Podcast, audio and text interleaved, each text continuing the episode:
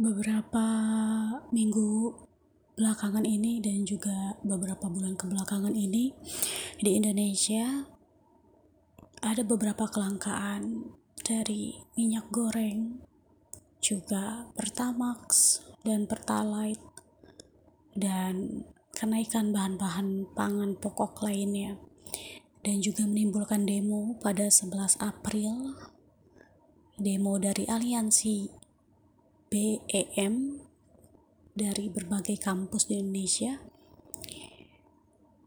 Beberapa tidak puas dengan pemerintahan Presiden Jokowi yang sekarang. Juga dari segi entertain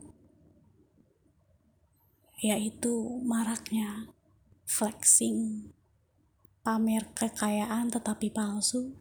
Intinya adalah menipu orang dari duit yang mereka keluarkan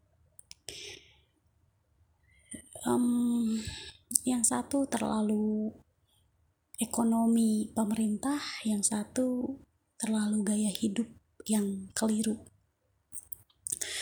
Dari segi pemerintah dan ekonomi, kelangkaan dan lain yang sebagainya ini memang sangat-sangat tidak worth it untuk negara berkembang seperti Indonesia dengan gaji UMR yang biasa uh, diberikan kepada para pekerja Indonesia itu belum sangat cukup untuk bisa hidup yang layak dalam satu bulan gitu. Tentu dengan adanya kenaikan-kenaikan uh, bahan bahan bakar, energi dan juga bahan pokok itu tidak sebanding dengan pendapatan dari rakyat Indonesia dari mereka bekerja gitu karena hmm, sangat-sangat ada gap yang yang besar di situ.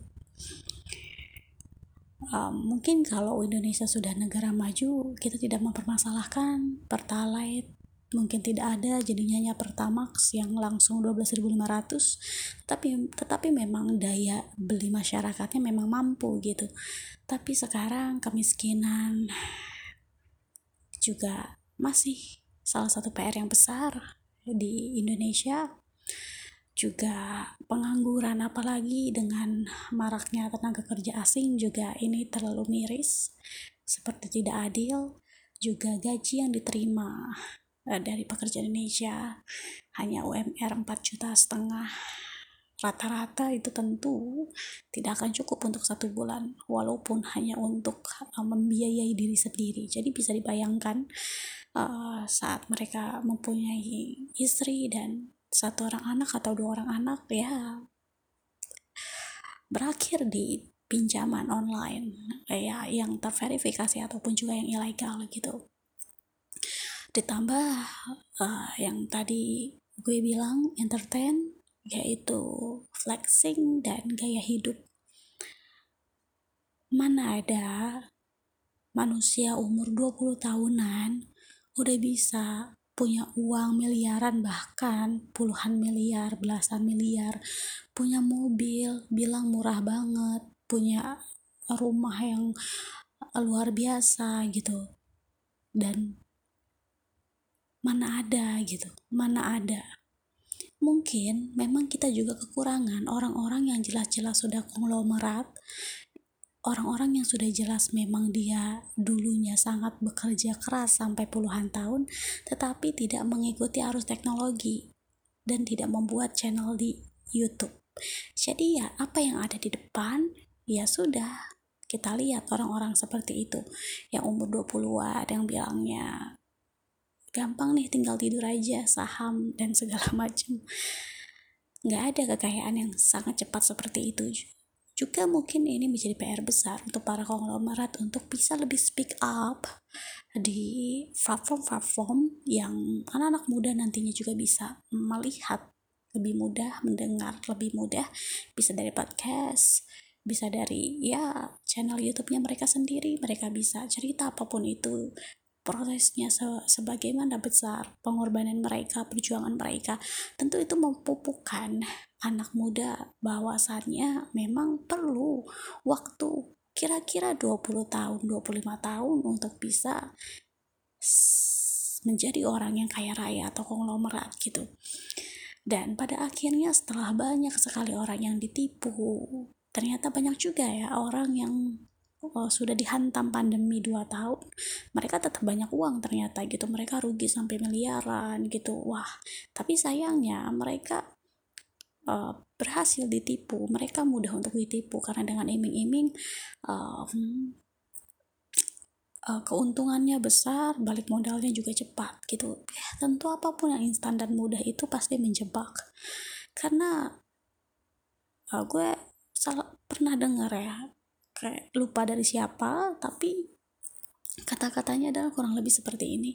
Kenapa binatang dan manusia itu punya perbedaan yang sangat lambat dalam masalah pertumbuhan gitu? Binatang sangat sangat terbilang cepat untuk mereka dari lahir setelah itu bisa uh, merangkak dan setelah itu mereka kayak bisa lari bisa loncat segala macam tapi kenapa manusia butuh waktu sampai satu tahun untuk bisa merangkak, untuk bisa coba berdiri pelan-pelan, sampai akhirnya mereka juga mulai berbicara. 4-5 tahun bisa sampai fasih, sebelum itu selama bertahun-tahun mereka juga berusaha untuk berjalan.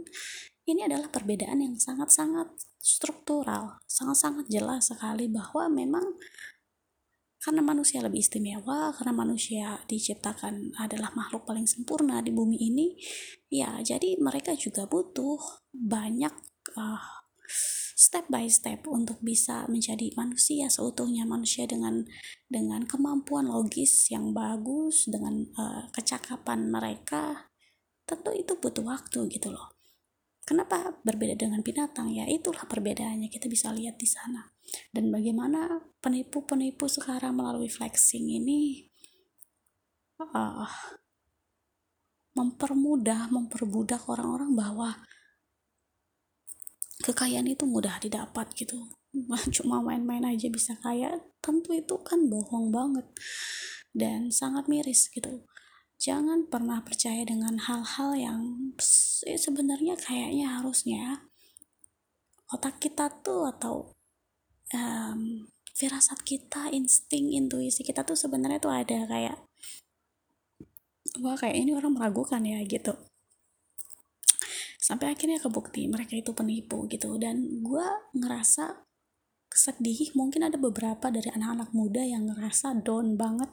Kenapa di usia dia yang mungkin udah 20 tahunan, udah 25 gitu, udah 23 tapi ngerasa kayak nggak berguna, ngerasa kayak kok gue masih pengangguran, kok gue masih nggak punya apa-apa, kok gue kerja gini-gini aja. Karena yang mereka lihat itu seorang anak muda yang bahkan belum 27 tahun tapi sudah sangat-sangat kaya raya, sombong lagi, pamer lagi gitu.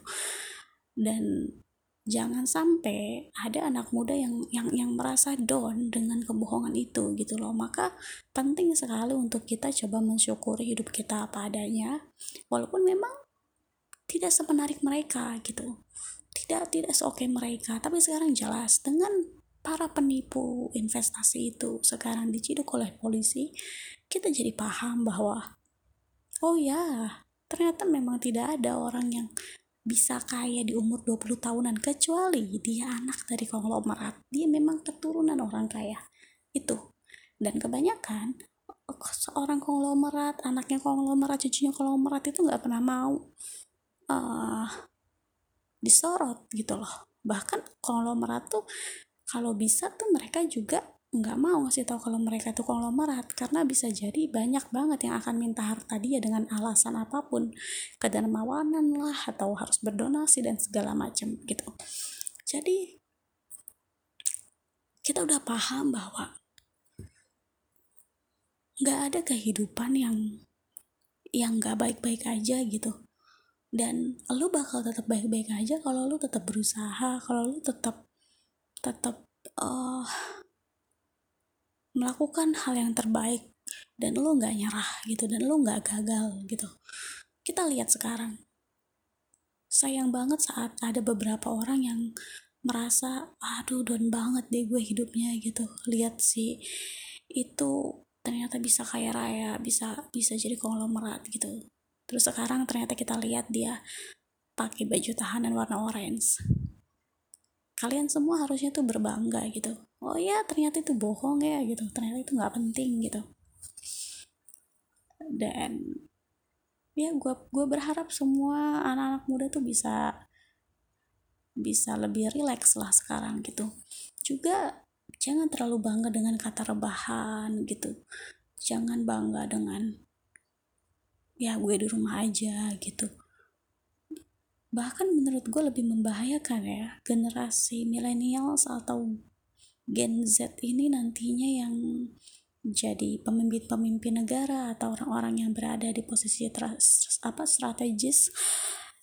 Um, kalau pemikiran mereka ya banyaknya seperti ini gitu. Maunya instan maunya fashionable walaupun sebenarnya itu duit dari orang tua mereka gitu. Padahal mereka belum bisa uh, membuat keahlian dia untuk menghasilkan uang gitu. Belum tapi pengennya itu udah nongkrong di kafe-kafe pengennya kelihatan fashionable pengennya kelihatan anak yang nggak apa ya anak yang model banget lah setiap apa yang keluar dia punya gitu.